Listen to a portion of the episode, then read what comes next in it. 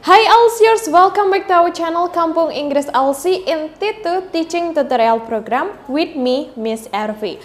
In this video, I'm going to give you top English phrases that you can use in your everyday life. So, if you're just about to embark your holiday to an English-speaking country, you can totally use these phrases.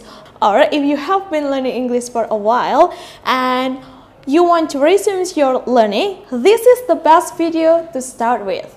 Well, phrases number one. This is another way to say I love you. If you usually only know saying I love you when you adore someone, from now on you can say I'm stuck on you. Aku tergila-gila padamu. Number two, when you have a lot of free time and you want to make your time be more productive, you can say, What are you usually doing for killing the leisure time? Killing the leisure time, mengisi waktu luang. On the next one, we have long time no see.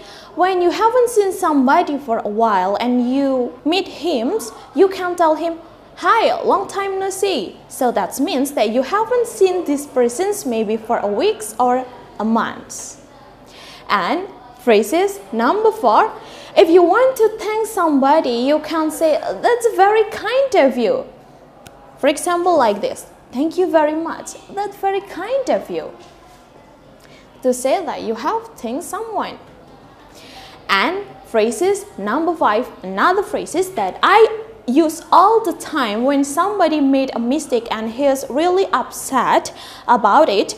So I say, no worries, which means that uh, don't worry about it. It is fine, no worries.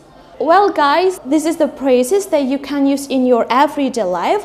Let me know if this was helpful by liking this video and commenting below if you know more cool phrases, okay?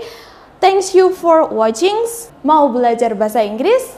Ya di Kampung Inggris LC. Bye-bye.